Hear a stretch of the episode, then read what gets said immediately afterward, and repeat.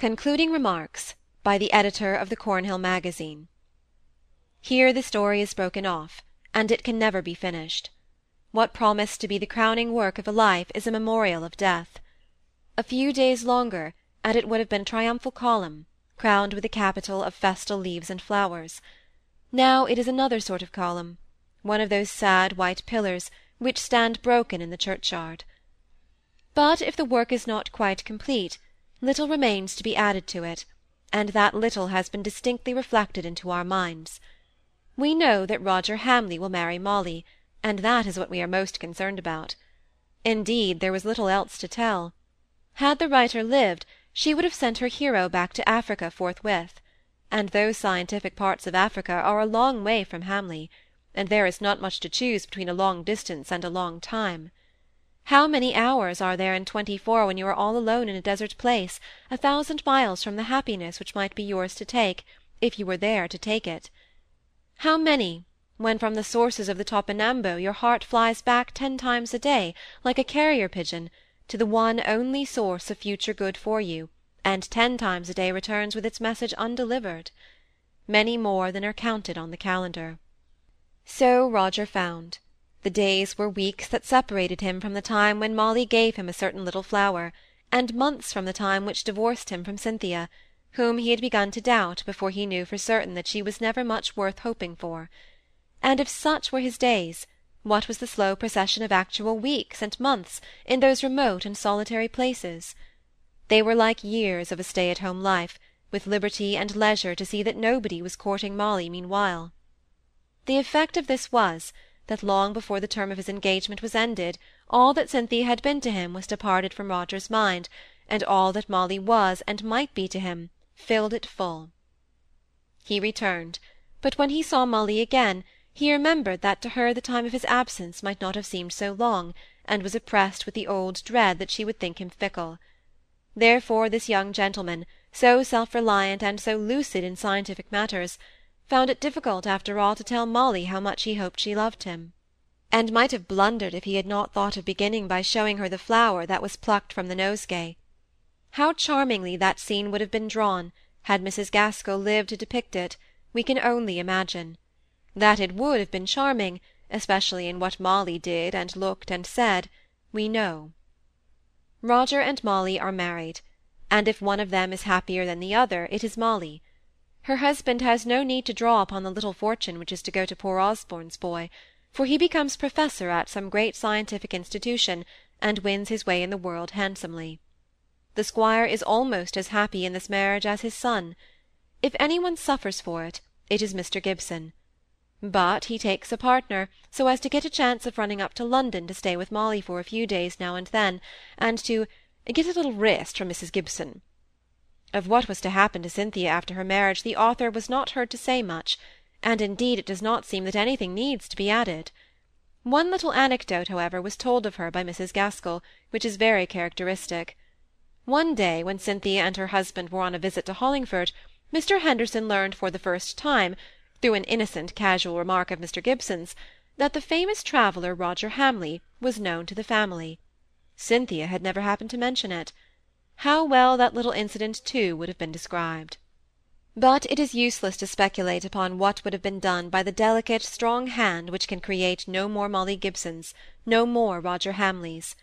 We have repeated in this brief note all that is known of her designs for the story, which would have been completed in another chapter. There is not so much to regret, then, so far as this novel is concerned. Indeed, the regrets of those who knew her are less for the loss of the novelist than of the woman one of the kindest and wisest of her time. But yet, for her own sake as a novelist alone, her untimely death is a matter of deep regret. It is clear in this novel of wives and daughters, in the exquisite little story that preceded it, Cousin Phillis, and in Sylvia's lovers, that Mrs. Gaskell had within these five years started upon a new career with all the freshness of youth, and with a mind which seemed to have put off its clay and to have been born again but that put off its clay must be taken in a very narrow sense. All minds are tinctured more or less with the muddy vesture in which they are contained, but few minds ever showed less of base earth than Mrs. Gaskell's. It was so at all times, but lately even the original slight tincture seemed to disappear. While you read any one of the last three books we have named, you feel yourself caught out of an abominable wicked world, crawling with selfishness and reeking with base passions, into one where there is much weakness, many mistakes, sufferings long and bitter, but where it is possible for people to live calm and wholesome lives; and what is more, you feel that this is at least as real a world as the other.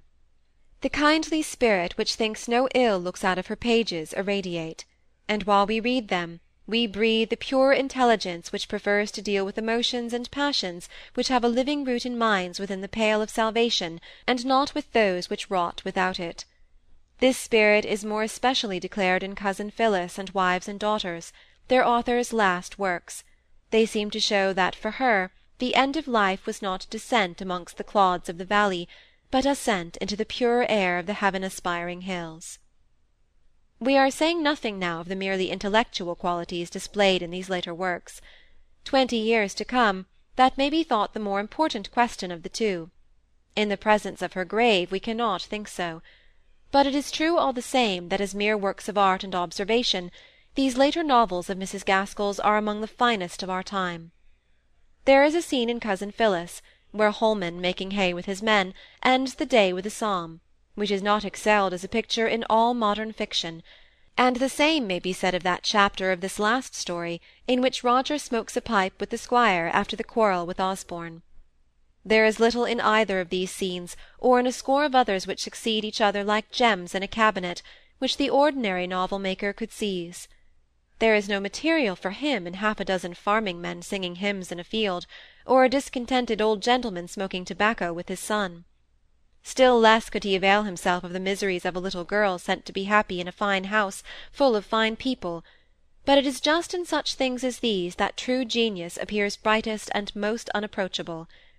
It is the same with the personages in Mrs. Gaskell's works. Cynthia is one of the most difficult characters which has ever been attempted in our time.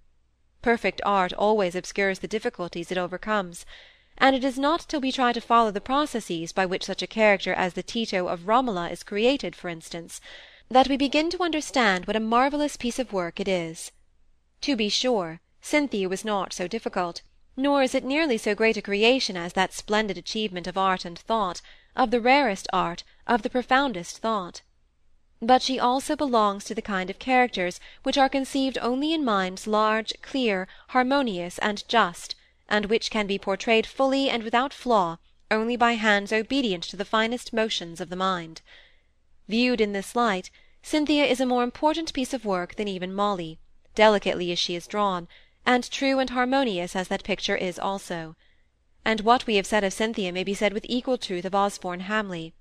The true delineation of a character like that is as fine a test of art as the painting of a foot or a hand, which also seems so easy, and in which perfection is most rare. In this case the work is perfect. Mrs. Gaskell has drawn a dozen characters more striking than Osborne since she wrote Mary Barton, but not one which shows more exquisite finish. Another thing we may be permitted to notice, because it has a great and general significance. It may be true that this is not exactly the place for criticism, but since we are writing of Osborne Hamley, we cannot resist pointing out a peculiar instance of the subtler conceptions which underlie all really considerable works. Here are Osborne and Roger, two men who, in every particular that can be seized for description, are totally different creatures. Body and mind they are quite unlike. They have quite different tastes, they take different ways, they are men of two sorts, which, in the society sense, never know each other, and yet never did brotherly blood run more manifest than in the veins of those two. To make that manifest without allowing the effort to peep out for a single moment would be a triumph of art, but it is a touch beyond the reach of art to make their likeness and unlikeness so natural a thing that we no more wonder about it than we wonder at seeing the fruit and the bloom on the same bramble. We have always seen them there together in blackberry season, and do not wonder about it nor think about it at all.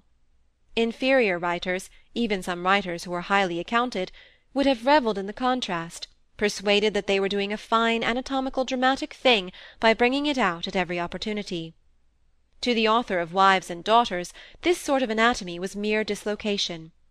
She began by having the people of her story born in the usual way, and not built up like the Frankenstein monster; and thus when Squire Hamley took a wife, it was then provided that his two boys should be as naturally one and diverse as the fruit and the bloom on the bramble. It goes without speaking. These differences are precisely what might have been expected from the union of Squire Hamley with the town bred, refined, delicate minded woman whom he married, and the affection of the young men, their kindness to use the word in its old and new meanings at once is nothing but a reproduction of those impalpable threads of love which bound the equally diverse father and mother in bonds faster than the ties of blood. But we will not permit ourselves to write any more in this vein. It is unnecessary to demonstrate to those who know what is and what is not true literature, that Mrs. Gaskell was gifted with some of the choicest faculties bestowed upon mankind, that these grew into greater strength and ripened into greater beauty in the decline of her days and that she has gifted us with some of the truest, purest works of fiction in the language.